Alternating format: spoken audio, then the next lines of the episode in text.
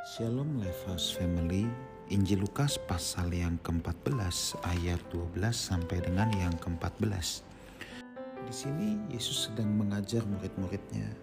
Tuhan berkata, kalau engkau membuat perjamuan, ya, apakah itu perjamuan siang atau perjamuan malam, jangan kau undang sahabat-sahabat atau saudara-saudaramu atau kaum keluargamu atau tetangga-tetanggamu yang kaya.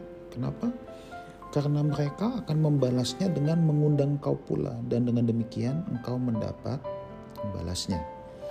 Tetapi apabila engkau mengadakan perjamuan, undanglah orang-orang miskin, orang cacat, orang lumpuh dan orang buta. Dan engkau akan berbahagia karena mereka tidak mempunyai apa pun untuk membalasnya kepadamu. Sebab engkau akan mendapat balasnya pada hari kebangkitan orang-orang benar.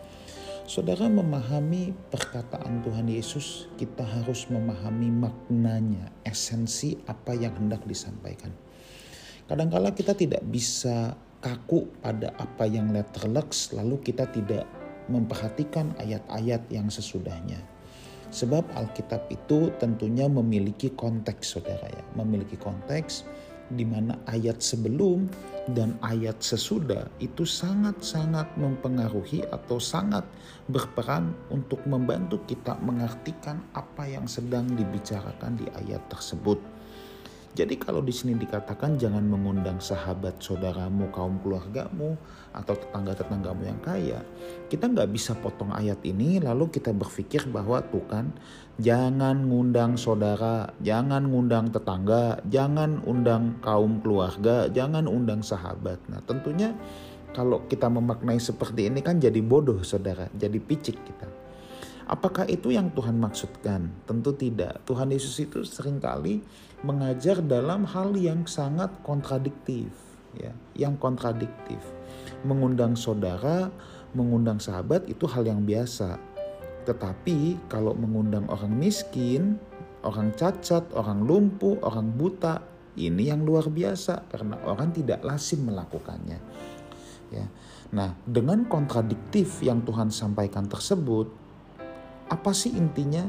Ada di akhir ayat 14. Tuhan kasih alasan kenapa jangan undang saudara, jangan undang sahabat, jangan undang tetangga yang kaya karena mereka punya kesempatan untuk membalasmu.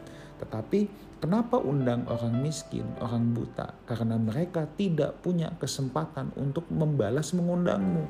Nah, jadi apa yang bisa kita pelajari Saudara? Ingat ya, ini bukan soal siapa yang diundang, tapi pelajarannya. Pelajarannya adalah ketika kita berbuat sesuatu, kita harus setulus-tulusnya tanpa mengharapkan imbalan atau tanpa mengharapkan balasan sedikit pun. Kalau kita berbuat baik kepada orang lain, kita masih mengharapkan balasannya, ya, itu berarti kita belum sepenuhnya tulus. Kita belum dapat dikatakan tulus. Nah, kita harus belajar di sini, saudara, ya. Jadi, bagaimana kita itu betul-betul memiliki ketulusan yang sangat luar biasa. Di sini kita harus sama-sama belajar. Ya. Kita tidak mengharapkan balasan. Sebenarnya dengan tidak mengharapkan balasan, satu kita belajar tulus, dua Bapak yang akan membalaskan sendiri kepada kita. Nah, tapi juga ada hal yang ketiga, Saudara.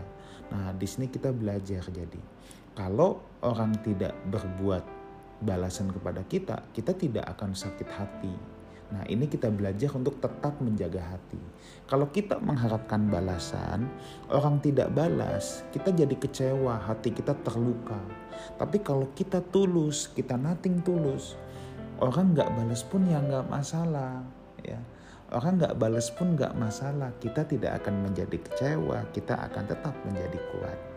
Saudara, Life House Family, mari saudara ya. Saya mau ajak kita semua untuk terus mengasah hati kita supaya kita hidup dalam ketulusan. Tuhan Yesus menyertai kita semua. Amin.